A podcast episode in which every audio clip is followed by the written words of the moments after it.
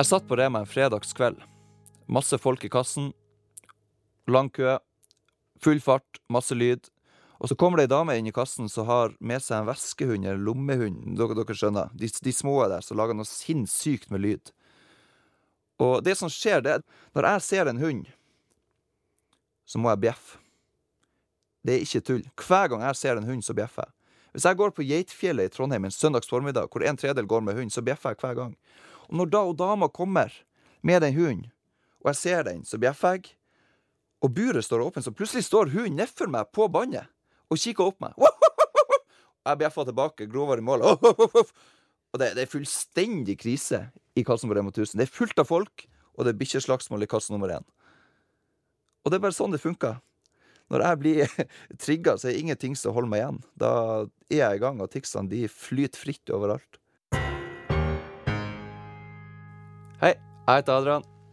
27 år, har Tourettes syndrom. I dag skal dere få være med meg på en uh, reise i mitt liv fra jeg var 13 år. Veldig usikker, mye mobba. Til her jeg står i dag som programleder i radio, foredragsholder, 71 grader nord-deltaker, og har oppnådd ganske mye. For at dere skal skjønne litt av de poengene jeg kom med i dag, så må jeg bare kjapt forklare dere litt hva Tourette er. Der hørte dere det aller første. Og det kommer eh, tics i tide og utide. Nå ser ikke dere armene eller fingeren som jeg veiver med i dag, men jeg har en langefinger og en tunge og en trutmunn òg som kommer ganske ofte. Sånn sett er det greit å være radio, dere hører bare ropene. Det er en arvelig tilstand. Jeg har fått den fra min far, kort fortalt. Han har ikke Tourettes, men han har ADD. Det går veldig over i en annen. Og det består av ufrivillige bevegelser. Jeg kjenner at de kommer. Det samme som når dere ligger hjemme i senga deres med begge hendene under puta ligger veldig godt og på tur og sovner, og så plutselig så kjenner du begynner å klø nede på ræva. Og det klør og det klør og det klør, og du tenker bare mer og mer og mer på det. Og til slutt så må du bare ned. Du må strekke handa ned, og så må du klø. Og den følelsen har jeg i kroppen konstant når jeg får tics. Jeg kjenner at det kommer de aller, aller fleste gangene. Og til slutt så klarer jeg ikke å la være. Jeg klarer ikke å holde igjen. Jeg må bare slippe det ut. det kan undertrykkes. Nå når jeg står her i radioen og prater, så undertrykker jeg ikke. Nå snakker jeg, og nå er jeg opptatt med noe annet. Men med en gang jeg stopper opp og skal begynne å lese meg litt opp på det jeg skal si, så kommer ticsene med en gang. det å ha Tourettes syndrom er egentlig som å ha en djevel stående på skuldra. Jeg eh, har han som står der, og hver gang jeg føler at nå må jeg være stille, nå må jeg tie stilt, så står han der og roper inn i øret mitt nå skal du lage lyd, nå skal du virkelig lage leven, sier han. Selv hvis jeg sitter på buss eller på tog eller hvor man skal være stille. I Norge så prater vi ikke på bussen, men uh, det gjør jeg. Eller jeg prater ikke, jeg roper, jeg lager lyd, for der føler jeg at nå må jeg tie stilt. Da må jeg virkelig bare kjøre på. Så den reisen dere skal få være med på i dag Jeg eh, skal ta dere, som sagt, gjennom mitt liv med Tourettes syndrom. Sommer 2012 sykla også Norge på langs. Det blir den røde tråden gjennom gjennom den sendinga her, hvor jeg skal ta dere med på reisen fra Nordkapp til Lindesnes. Så trekker vi fram litt opplevelser fra 71 grader nord, litt tilbake til mitt liv, og litt fram til her jeg står i dag, av hvordan jeg faktisk har kommet meg hit. Før vi eh, fortsetter videre nå, så vil jeg gjerne spille en eh, liten sang. For meg så har den en ganske stor plass. Det er med Kajander, 'Er du den du vil være', og det handler om å tørre å rett og slett være seg sjøl. De lengter, de ser seg rundt. Masse inntrykk, gjør ting som de tror vil funke. Er du sikker på at det du må, er rett for den veien som du bør gå? Et møte med døra kan føles hardt, men det er fakta at døra er over alt. Du må åpne opp og ta noen steg. Det harde blir mildere i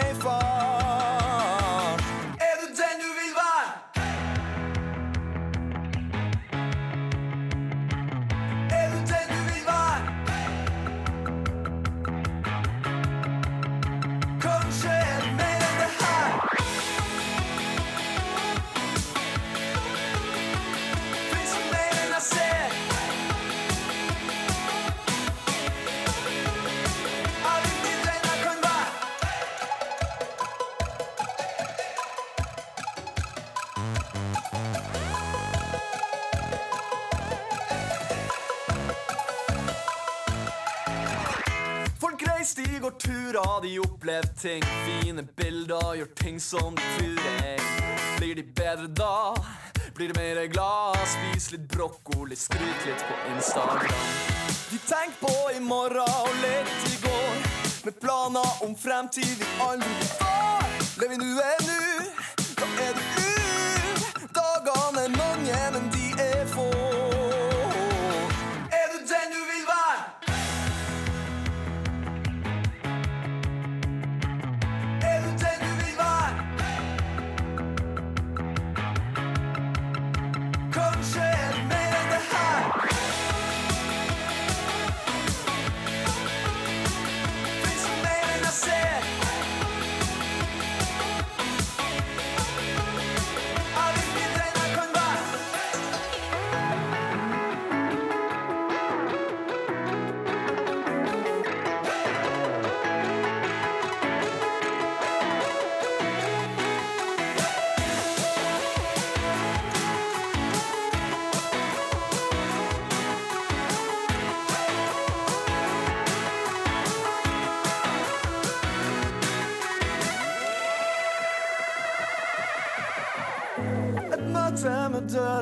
Føles hardt, men det er fakta at døren er overalt. Du må åpne opp og ta noen steg. Mm. Er du den du vil være? Er du den du vil være?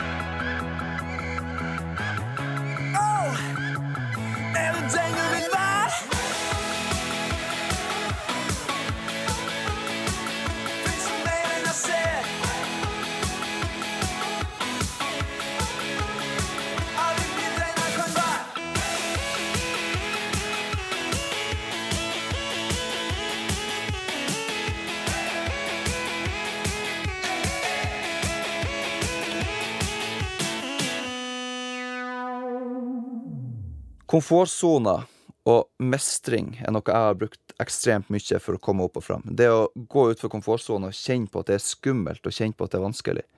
Jeg kjenner at det er skummelt og vanskelig hver dag, for når jeg er inne i min leilighet innenfor mine fire vegger, så er jeg trygg. Da har jeg veldig, veldig lite tics. Men med en gang jeg tar i dørhåndtaket og går ut, så, så skrur jeg en knapp i bakhodet på meg. Så er jeg på. Og er jeg inne i tre dager og går ut den fjerde dagen, da er komfortsonen min allerede blitt så lita at det er vanskelig å gå ut. Og for å gå ut av komfortsona, så er det viktig å ha noe å jakte på. Jeg jakter på følelsen av å få til noe. Følelsen av mestring, og den mestringsfølelsen av bare klare det. Og yes, jeg har gjort det. Det var tungt og vanskelig, men jeg får det til. Når jeg står på scenen og holder foredrag, det er den følelsen jeg sitter med hver eneste gang når jeg er ferdig. Yes, jeg har gjort det. Det var litt skummelt i dag, men jeg har fått det til. Og sånn gjør jeg hele tida. Jeg må hele tida ha utvikling og hele tida kjent mestring. Og det var mestringsfølelsen jeg sa jeg skulle jakte på når jeg fikk spørsmål om hvorfor ville være med på 71 grader nord. Da var jeg oppe på første intervju og sa hei, jeg heter Adrian, jeg har Tourettes syndrom, jeg vil være med på 71 grader nord for å bryte ut av komfortsona på jakt etter mestringsfølelse, og samtidig vise hele Norge hva Tourettes syndrom er for noe. Når jeg var 13 og et halvt år, da hadde jeg eh, hatt Tourettes i fem og et halvt år, fikk diagnosen som 13-åring, og så var jeg til oppfølgingssamtale hos eh, barnelegen min. Og han stilte meg et spørsmål litt uti den timen som jeg ikke helt forsto, som jeg syntes var teit og urettferdig. Han spurte meg hvem hadde du vært i dag hvis du ikke hadde hatt Tourettes syndrom? Jeg kunne ramse opp i evigheter jeg sa. Jeg hadde vært normal. Jeg hadde ikke vært mobba. Alle hadde et fint liv. Jeg hadde kanskje vært blant de kule i klassen. Kanskje jeg hadde hatt mer enn én venn på ungdomsskolen. Alt hadde vært så mye bedre, sa jeg, hvis jeg ikke hadde hatt Tourettes. Det var nesten så jeg storma ut av rommet, der han satt og kikka på meg. Ja, men, det er bra å ha Tourettes, tenkte han. Nei, det er ikke det. Jeg ble sint, jeg bare gikk. Det gikk noen år før jeg skulle klare å akseptere at Touretten var en del av meg, og at den ikke kom til å forsvinne. Jeg måtte begynne å være åpen om den. Og første steget var at jeg ble sparka ut i jobb av mamma. Det var satt krav til meg. Det var ikke noen stakkars Adrian med Tourettes syndrom. Det var Jeg skulle gjøre det like bra som alle andre, og det var jeg glad for i ettertid, men der og da var det beinhardt. Satt i kassen og skalv med myntene i hånda, var livredd folk. Trodde at de som satt og spiste lunsj ved bordet ved sida av meg, som flirte, at de flirte av meg. For det var jo jeg vant til fra jeg var yngre. At det var meg folk flirte av. Det var en selvfølge at folk flirte av meg, for jeg hadde jo tics. Og jeg endte opp med å jobbe ti år i butikk. Og det var også på Rema 1000 tanken om Norge på langs ble født i en matpause. Smokksalet og plutselig så satt jeg på tur sju måneder etterpå og skulle sykle fra Nordkapp til Lindesnes. Og det var først når jeg satt på tur og hadde sykla 45 km, akkurat kommet av Magerøya, når jeg sitter med en flokk med rein på venstresida og en stor fjellvegg på høyre og en smal vei, og jeg sitter der og trør alene, at jeg skjønte at hva er det du har gitt deg ut på, Adrian, tenkte jeg. Norge på langs. Du har 2955 km igjen. Hvordan skal det her gå? Og så da syns jeg jeg hørte bestemor snakke i bakgrunnen til meg at Vet du hvor langt det er? For da hadde hun sagt til meg noen måneder før når jeg fortalte henne at Mor, vet du hva? Jeg skal sykle Norge på langs. Så hadde hun sittet i sofaen med strekkinga. Og så kikka hun på meg. Slipp strekkinga. Er du klar over hvor langt det er? Og tenkte jeg bare yes. Her er noen som ikke har trua på meg. Dette skal jeg virkelig bruke som bensin videre. Det er så å hive bensin på et sankthansbål. Sier du til meg at det ikke går, så kan jeg love deg, da, da vil jeg. Og da var jeg i gang. Se til Finnmark. Det begynner å bli tungt, men da er det om å gjøre Jeg må sette meg delmål. Jeg kunne ikke tenke at farsken, har 40 mil igjen til, eh, til jeg er i Troms fylke. Jeg måtte tenke neste tisepause. Jeg måtte tenke neste gang jeg skulle stoppe og spise. Jeg tenkte neste runde tall på GPS-en min, for det oppfyller liksom litt av den tvangen jeg har også med Tourettes syndromet mitt. Alle de små delmålene, inkludert den kaffekoppen som jeg hadde med meg for å fylle på alle Statoil-stasjonene du ikke finner i Finnmark, hadde jeg med. Og den redda meg veldig, veldig ofte. Nå skal jeg ta meg en kopp kaffe til denne sangen her, så uh, snakkes vi etterpå.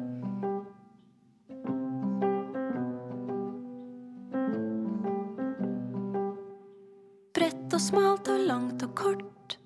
Lite og stort er landet vårt. Og for noen er det langt frem. Men uansett hvor langt det er, og glatt og mørkt det er, så venter det noe der. I et lite hus i en liten by, en gård på et helt umulig øde sted. Vi finner fram til det. For vi trosser vind og regn og snø og storm og flom og sjø og fjell og lyn og kø og sånn for å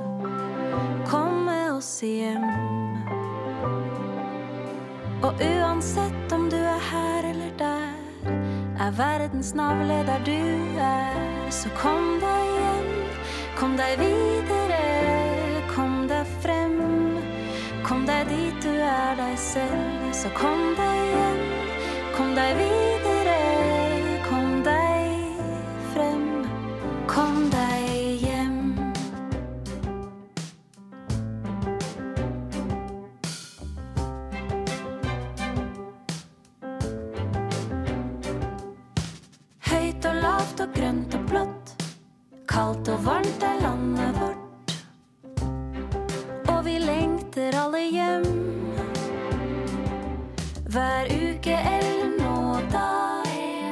iblant hver eneste dag. Det er litt til og fra. For det er godt å være for seg selv og få litt avstand og puste og kjenne og føle på. Hvor godt det er å savne noen år. Som alle våre koner, fedre, sønner, venner, brødre, hunder, katter, TV-er, bestemødre. De lengter nok, de òg. Og uansett hvor du er, er verdens navle der de er. Så kom deg hjem, kom deg videre, kom deg frem. Kom deg dit du er deg selv, så kom deg hjem. Kom deg videre, kom deg hjem. Så dra på kryss og tvers og langs og opp og ned og att og fram og langt og like ved. Reis bort og vekk og fra og til og mot og skrått og rett og rundt og uten og med.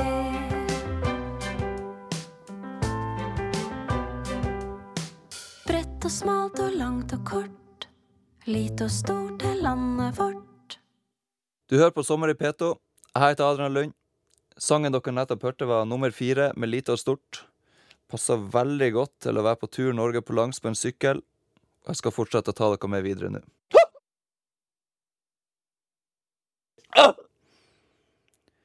I løpet av en tur Norge på langs så kommer det ganske mye dumme tanker og dårlige tanker. Du sitter alene, og det er hardt. Det er ikke bare bare å sykle 13 mil for dag. Og da er det om å gjøre å lære seg å tenke positivt, og lære seg å legge til nye vaner. Jeg er så heldig at jeg har jobba ti år i butikk. Der har jeg et påtvungent smil i starten, men bare etter noen uker i jobb, så var det smilet på når jeg starta på jobb, og det satt på kjeften min til langt utpå kvelden. Og det er det jeg mener, at hvis man sitter og smiler til folk hver dag, så har man dårlige dager, men allikevel møter du folk med et smil og går på jobb med et smil, så setter smilet seg etter hvert. Det er ingen tvil.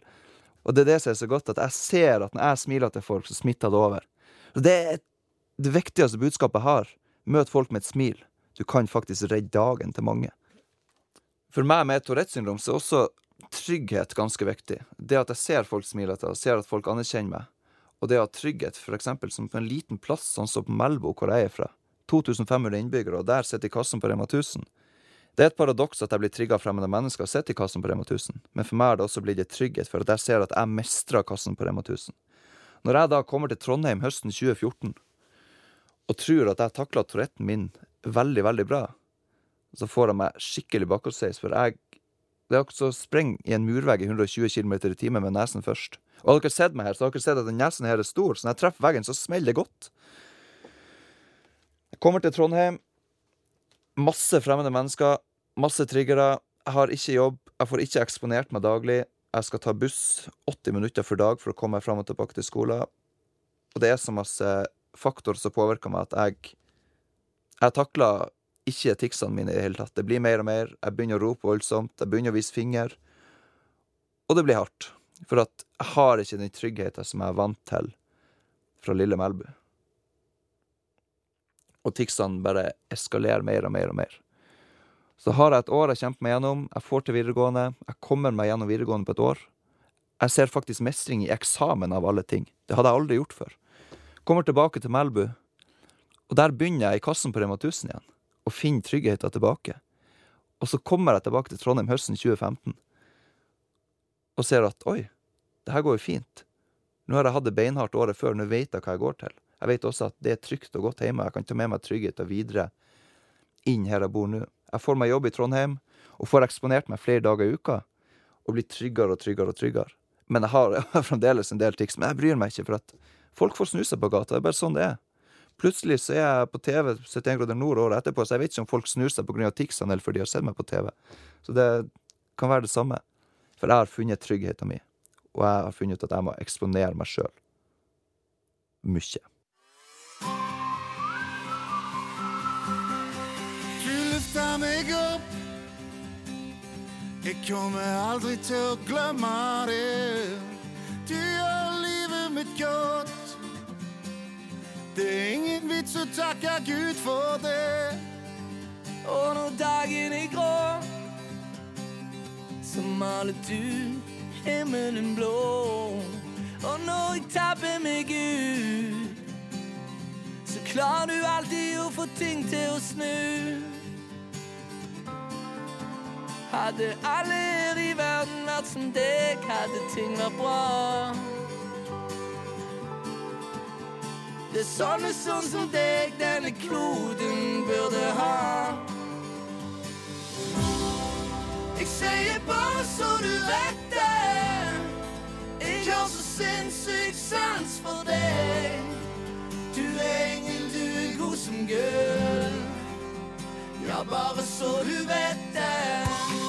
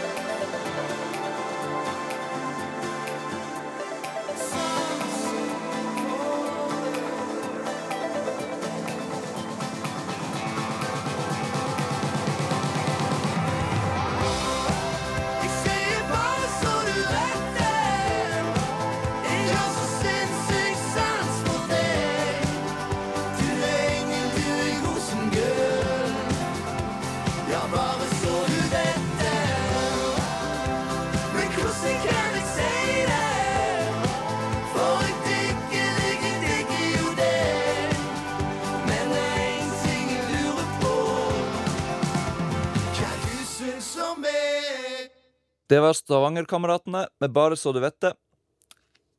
Jeg syns det er en fin sang, for de spiller veldig mye på det å si til folk hvis du setter pris på dem.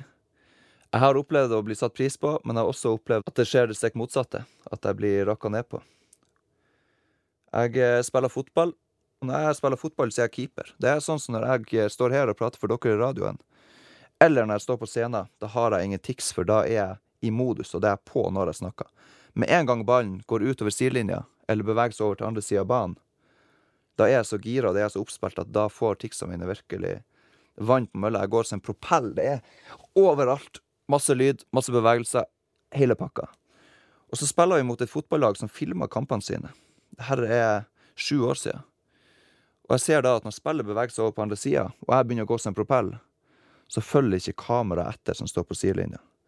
Bak kameraet står det to menn mellom 40 og 50 år som står og peker og flirer. Og jeg er midt i linsa. Og når jeg ser det kameraet som står på meg, og jeg ser de på sidelinja, da blir jeg så satt ut at jeg vet ikke Jeg vet ikke hva jeg skal gjøre med. Jeg husker ikke så mye av kampen lenger, for jeg bare ble fullstendig oppslukt i det som skjedde der borte. Og så blir jeg så sint etterpå når kampen er over. Jeg blir sint meg sjøl, for jeg torde ikke å stå opp for meg sjøl. Jeg torde ikke å si ifra at nå er det nok. Kom dere bort, jeg vil ikke ha dere her. Men det som kanskje såra aller mest, og det som stakk mest i brystet mitt, det var at det var 80 personer på tribunen, og benken vår var ti meter unna motstanders benk. Og det var ingen som gjorde noe eller sa noe i det hele tatt. Det er greit at de som mobber, de som støter folk ut, de har en stor rolle i det. Men de som har den aller største rollen, det er faktisk 90% som bare står der og lar det skje.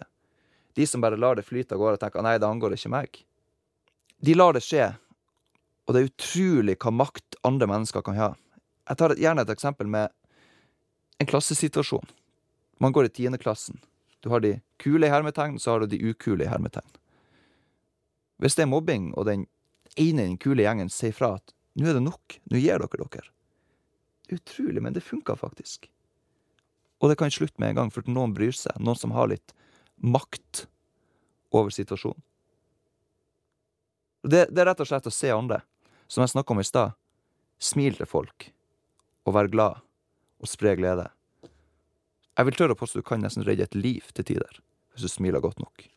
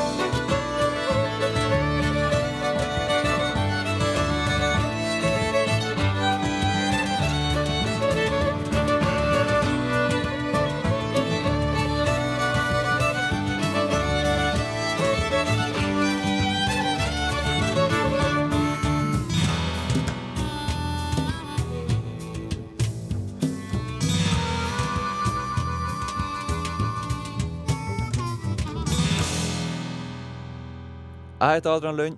Du hører på Sommer i P2.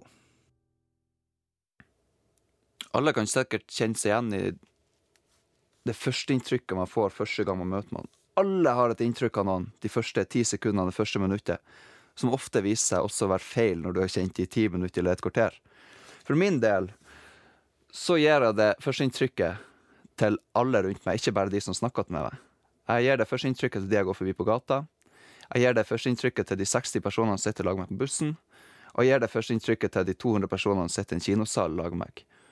Og de aller fleste tenker nok med en gang hva i all verden er det bråket der? Hva i all verden er det som skjer der bak? Og det, det har også gitt noen utfordringer, i og med at noen ganger møter man folk som reagerer på en måte som, som ikke er helt greit. Jeg møtte ei gammel dame på bussen. Eller jeg møtte henne ikke, jeg satt ved sida, og hun satt eh, i midten der, ved, der man har gåstoler og rullestoler og sånt. Og jeg sitter rett attmed, og jeg sitter og tikser. Jeg ser at hun reagerer. Og det er en typisk sånn situasjon på buss hvor jeg skal være stille, hvor jeg ikke har sjans å være stille når det er helt knyst rundt meg. Og hun begynner å reagere på meg, ser hun kikker, og da, reag- da tikser jeg enda mer, for da blir det bare mer og mer voldsomt. Og hun kikker mer og mer, og til slutt så sitter hun oppå seg. Uff, uff. Jeg ser hun bare har lyst til å Jeg hadde lyst til å gå bort til henne og si at det er bare Tourettes syndrom. Ta det helt med ro. Hun er kjempegammel dame, hun visste sikkert ikke hva det var for noe. Garantert ikke. Og så er det ei dame som skal hjelpe henne av. Jeg var tenkt å hjelpe henne av, men da tror jeg jeg hadde skremt livet av henne. Da tror jeg hadde sprunget av bussen sjøl. Så jeg lot være å gjøre det. Og så er det ei dame som hjelper henne, så hører jeg henne si, når hun går for bussen til dama Hva i verden var det bråket der? Jeg holder på å bli gal der inne! Og da tenkte jeg OK, her er ei dame som aldri har vært borti noe sånt før. Sikkert 80-85 år. Og for 60 år siden hun var 20, da var det ingen som visste hva Tourettes var for noe. Og da blir det voldsomt, det førsteinntrykket jeg gir, og reaksjonene som kommer rundt meg. Men da må jeg velge å være såpass, såpass storsinna at jeg sier til meg sjøl og lar det gå at det er av uvitenhet. Det er for at folk ikke vet hva det er for noe. Da kan jeg heller gjøre det til min jobb å informere. Og være et ansikt utad og vise hva det er for noe. Og Det første inntrykket her det setter seg også ofte på kino. Og i kinosaler så eh, er jeg ofte mer svett når jeg er ferdig enn når jeg har sprunget maraton. Jeg sitter gjerne under trykk. Det er beinhardt. Og like etter jeg flytta til Trondheim i 2014, så var jeg på kino. Og da var jeg på en uh, sånn pussig hybrid. En action-komedie-romantisk film. Når jeg ser actionfilmer, det er det veldig, jeg reagerer på impulser. Jeg får impulser og inntrykk som gjør at jeg blir gira, og dopaminet i hjernen min flyter fritt. Så får jeg tics. Når det er actionscener på, eh, på skjermen, så tikser jeg som bare juling. Det oh, oh, åh», og jeg går som en propell. Og på denne filmen så var det actionscener, pang stopp, dampende, romantiske, heftige scener. Jeg klarer ikke å pang stoppe mine tics. Så jeg går over i de dampende romantiske scenene, og folk snur seg, lurer på hva i verden som skjer for noe. tenker, Her er det en som koser seg på bakerste rad alene, ja. Mm. Og den opplevelsen den var så traumatisk for meg at det tok nesten to og et halvt år før jeg skulle gå på kino igjen. For at jeg gjorde det så skummelt for meg sjøl å sitte i den salen, for jeg visste reaksjonene kom. Jeg syntes det var ubehagelig. Jeg fant ut her i desember i fjor, fire måneder siden, da var jeg på kino igjen. For første gang på to og et halvt år. For jeg tenkte som så at OK, Adrian, du har vært med på 71 grader nord. Du har sykla Norge på langs. Du holder foredrag for gjerne 1000-1200 personer i uka. Og du klarer farsken ikke å gå på kino! Nå måtte jeg bare ta tak i meg sjøl. Og det er også der man ser at utfordringer er så individuelt. Det første inntrykket du får av noen, er bare et førsteinntrykk. Du ser ikke det som ligger bak, og du ser ikke utfordringen som er der. Jeg driver og utfordrer meg ennå med å gå på kino. Det er, det er min største utfordring i hverdagen. Tenk det. Å gå på kino, noe så banalt enkelt. Nesten samtlige av dere som hører på, syns sikkert det er kjempeenkelt. Det er min store kamp nå. Går jeg på kino nok, så blir det helt konge. Jeg skal begynne med å gå på babykino, tror jeg. Der har du trikset. Da kan jeg bråke så mye jeg bare vil.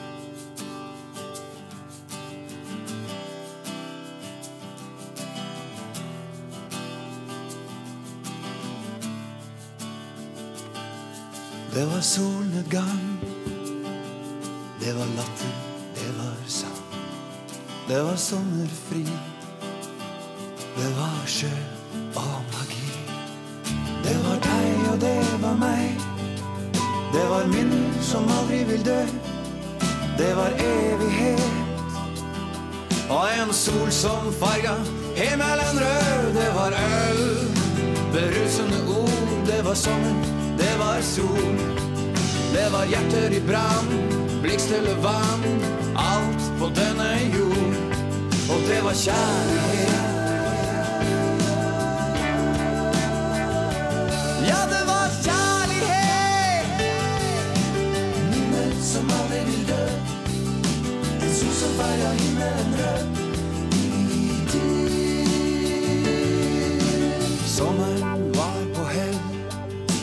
Dette var siste kveld. Vi lå på rygg, jeg følte meg trygg, men frøs litt likevel.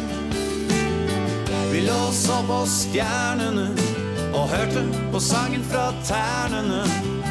Vi visste begge hvor det bar, og at vi aldri skulle glemme hvordan det var. Det var øl, berusende ord, det var sommer, det var sol. Det var hjerter i brann, blikkstille vann, alt på denne jord. Og kanskje en dag vi ses igjen. Vi stopper og prater, og du blir med meg hjem.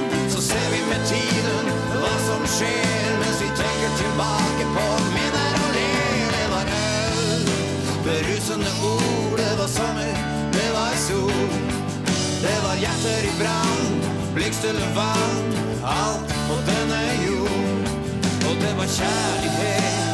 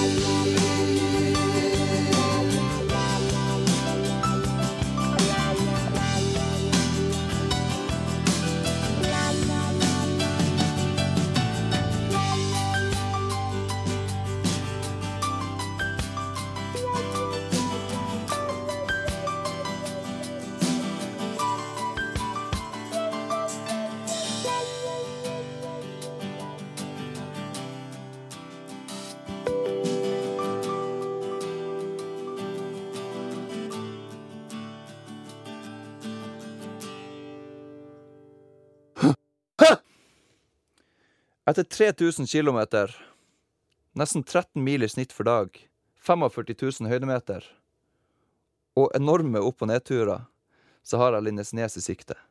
Jeg har vært på tur i over tre uker, og jeg har blitt så vant til å være på tur at det første som slår meg, er at jeg vil ikke til Lindesnes, for da er turen over. Jeg vil ikke at det skal være ferdig. Jeg har samtidig opplevd så mye mestring i løpet av den turen her, og jeg har opplevd at hvor lett det egentlig er å bygge en vane. Det er så lett og så vanskelig å bygge en vane. Du må gjøre ting lenge nok, og når du har gjort det lenge nok, så skjer det automatisk etter hvert, for da har du programmert deg sjøl om til at nå skal du møte dagen med et smil. Nå skal du møte dagen med å sitte åtte timer på sykkelen. Nå skal du møte dagen med å gjøre det du har lyst til å gjøre. Kommer til Lindesnes fyr. Jeg har møtt dagen med sykling i snart fire uker. Møter en fyrvokter som smiler fra øre til øre. Jeg får kaffe. Han ser jeg sykler langt. Jeg må skrive meg inn i eh, Lindesnes Nordkapp-boka. Sånn som alle gjør, så kommer han dit med stor oppakning.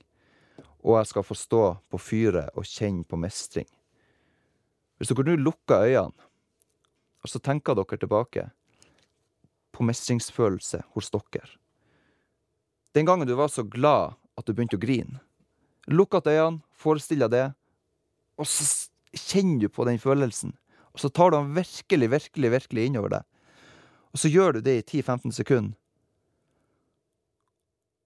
Og så lar du deg sjøl bruke den følelsen videre når du skal jakte dine nye mål og dine nye drømmer. Fire år etterpå så skulle jeg stå der på nytt, med 71 grader nord. Tom Stiansen, tolv andre deltakere. Et enormt crew som skulle hjelpe oss på veien opp til Nordkapp. Og jeg skulle få være med på den reisen. Den lykkefølelsen, eller mestringsfølelsen, å være med på noe så stort. Den er virkelig til å ta og føle på. Den bruker jeg også videre nå når jeg skal motivere meg til flere ting. at Har jeg en tung dag, så tenker jeg tilbake på Jeg har jo tross alt vært med på 71 grader nord. Jeg har jo tross alt sykla Norge på langs. Jeg kan klare hva som helst. Den neste sangen som kommer nå, er en sang vi hørte mye på underveis i løpet av 71 grader nord. Det handler om å ha store håp, store drømmer, og for meg å oss andre deltakerne som er med etter hvert, så det er enormt mye følelser knytta til akkurat denne sangen. Sett dere ned og nyt. High Hopes med Codaline.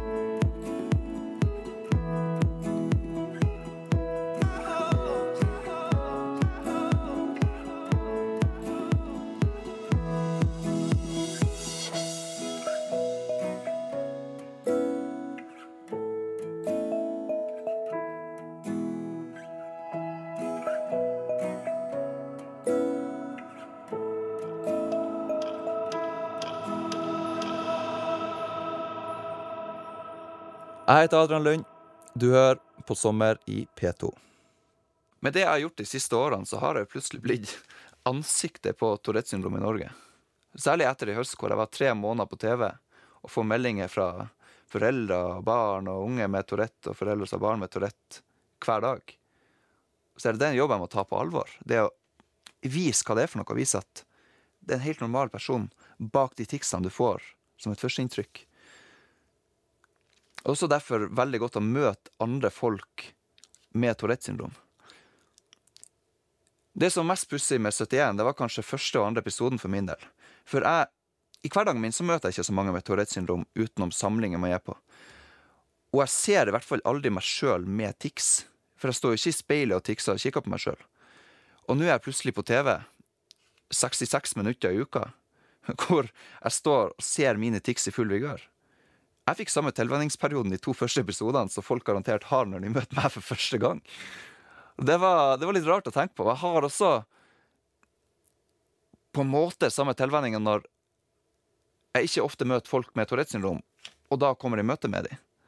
For da ser jeg på en måte meg sjøl der. Oi, sånn er jeg, ja. Og det som skjer når vi med Tourettes syndrom møter hverandre, vi, vi smitter hverandre. Så jeg kommer hjem fra samling med Tourettes-foreninga, og samboeren min ikke har hørt meg og sett meg på tre-fire dager, så har jeg fått enormt mye nye lyder. Jeg kom inn en gang i, eh, det er for tre år siden, kom jeg inn i gangen, og hun satt og venta. Jeg hadde vært inne i gangen i ett minutt, og hun eh, hadde bare hørt meg ennå. Og så sier hun, hun er fra Bergen, da. Du, Adrian, du høres ut som en dyrehage helt alene der ute. For jeg hadde plukka opp alt av lyd og alt av bevegelser som fantes på det hotellet den helga. Så det var om å gjøre å skyve det bort fra seg når, når jeg kom hjem. Eller la være å tenke på det, for da forsvinner jeg etter hvert. Men så er det også så godt å være i den setting hvor man er så mange andre med Tourettes syndrom, for da, da føler man seg helt normal. Man føler seg akkurat sånn som man skal være. Vi er samla en hel gjeng med fantastiske folk som har det akkurat helt likens, som har akkurat de samme utfordringene. Men folk er på forskjellige steder, og man kan trekke erfaringer fra hverandre. Utrolig deilig. They say home is the place where your heart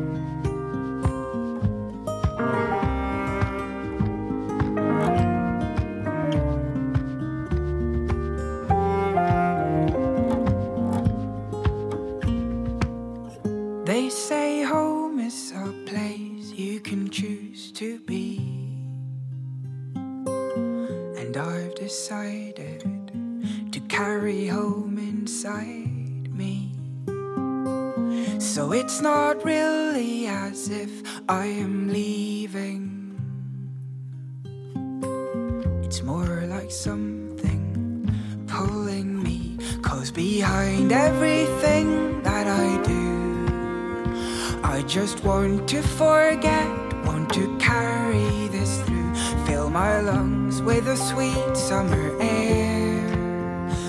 In my heart, in my mind, I am already there. Yeah, behind everything that I do. I just want to come home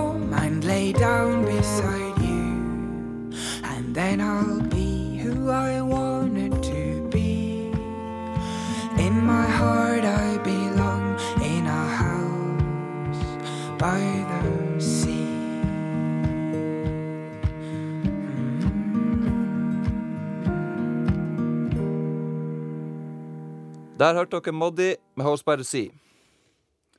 Hvis du ikke har fått de beste kortene på handa, så må du prøve å spille på best mulig måte. Jeg føler at jeg etter hvert har spilla mine kort ganske bra. Jeg ville ikke gitt fra meg Touretten min hvis noen hadde kommet og sagt at hei, jeg har en fantastisk kur for Tourettes syndrom, du blir frisk på dagen. Jeg hadde faktisk sagt nei takk, for det har gitt meg så mye. Det har gitt meg pinlige opplevelser, det har gitt meg kjipe opplevelser som jeg har klart å snu i ettertid, og det gir meg mange, mange artige opplevelser. Det er en veldig god icebreaker på byen, for eksempel.